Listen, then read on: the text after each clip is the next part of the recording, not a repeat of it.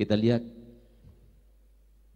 Abu Yahya Hasan yang paling disiarkan oleh beliau dalam hidupnya yang paling ditekankan oleh beliau kepada anak-anaknya sebelum kepada para santrinya itu adalah akhlakul karimah akhlak yang mulia. Kenapa?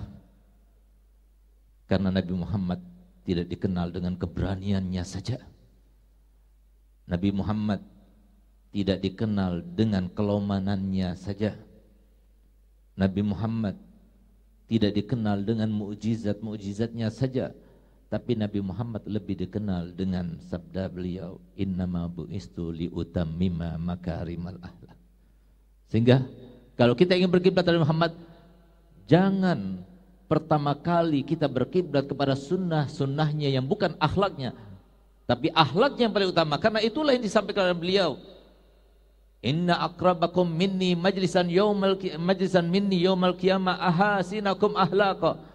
Sesungguhnya yang paling dekat kedudukan kalian di antara kalian kepadaku nanti di hari kiamat adalah yang paling baik akhlaknya. Yang paling tawar di antara kita yang paling dekat dengan Nabi Muhammad.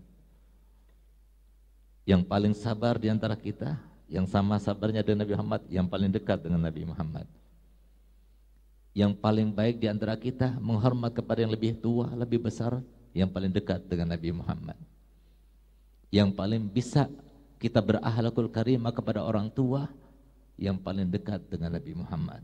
Otomatis, kenapa kemuliaan semuanya ini tidak akan lepas daripada kemuliaan yang telah ditetapkan oleh Allah SWT yang jauh sebelumnya Allah Ta'ala telah firman laulaka laulaka ya Muhammad ma khuliqatil aflak semuanya aflak ini yang terkait dengan akhlak, akhlaknya, sifatnya, kemuliaannya, semuanya terkait dengan Nabi Muhammad.